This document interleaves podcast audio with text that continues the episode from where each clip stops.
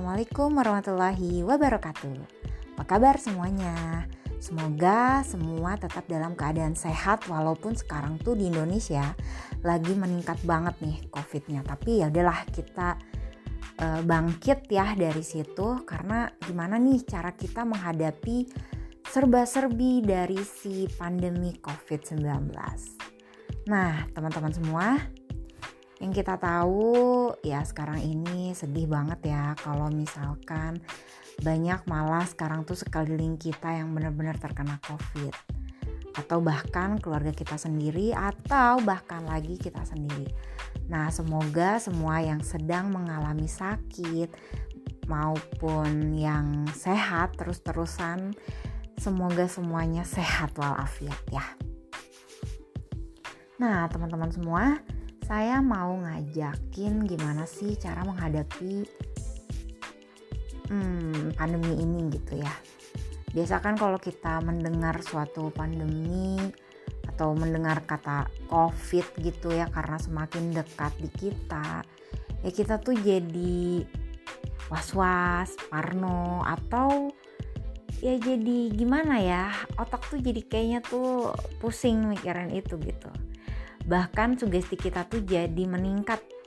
Sugesti menjadi negatif itu lebih kecenderungannya tuh bener-bener bakalan nurunin imun kita.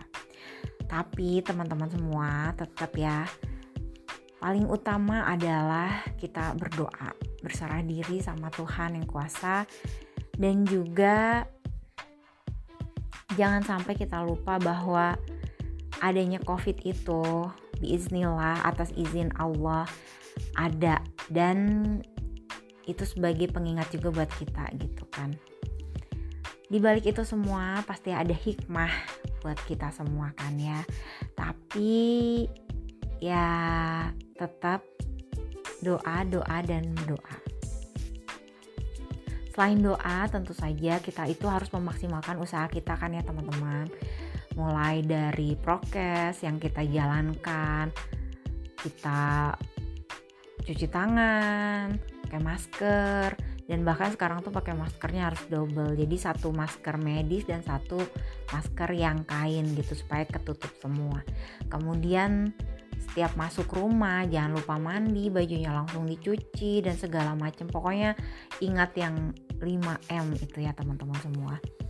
Nah, teman-teman semua pasti semua teman-teman tahu kalau misalkan semua prokes itu ya pasti kayaknya tuh udah hafal di luar kepala gitu. Tapi tetap kita tuh jangan sampai lengah.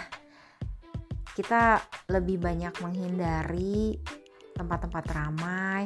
Kemudian kalau untuk keluarga saya pribadi kita lebih mengutamakan untuk makan di rumah dan tidak makan di um, tempat makan gitu kayak di restoran atau di rumah makan gitu ya karena kita menghindari untuk membuka masker. Jadi kalau misalkan mau pergi ke suatu tempat lebih baik kita take away aja bawa ke rumah gitu makannya di rumah.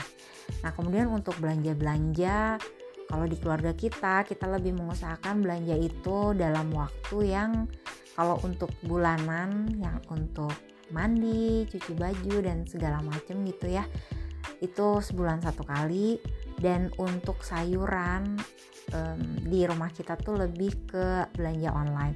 Atau kalaupun harus belanja ke pasar atau ke supermarket itu diusahakan um, dua minggu satu kali saja gitu. Jadi lebih sedikit untuk bertemu dengan banyak orang. Nggak lupa juga teman-teman semua olahraga olahraga itu membuat otak kita tuh jadi lebih fresh.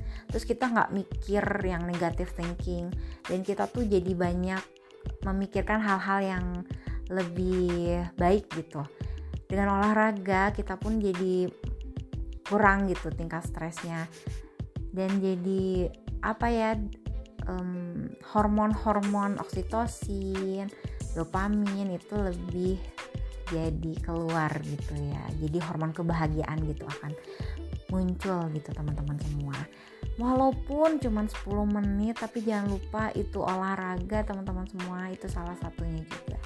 Nah itu aja sih teman-teman semua.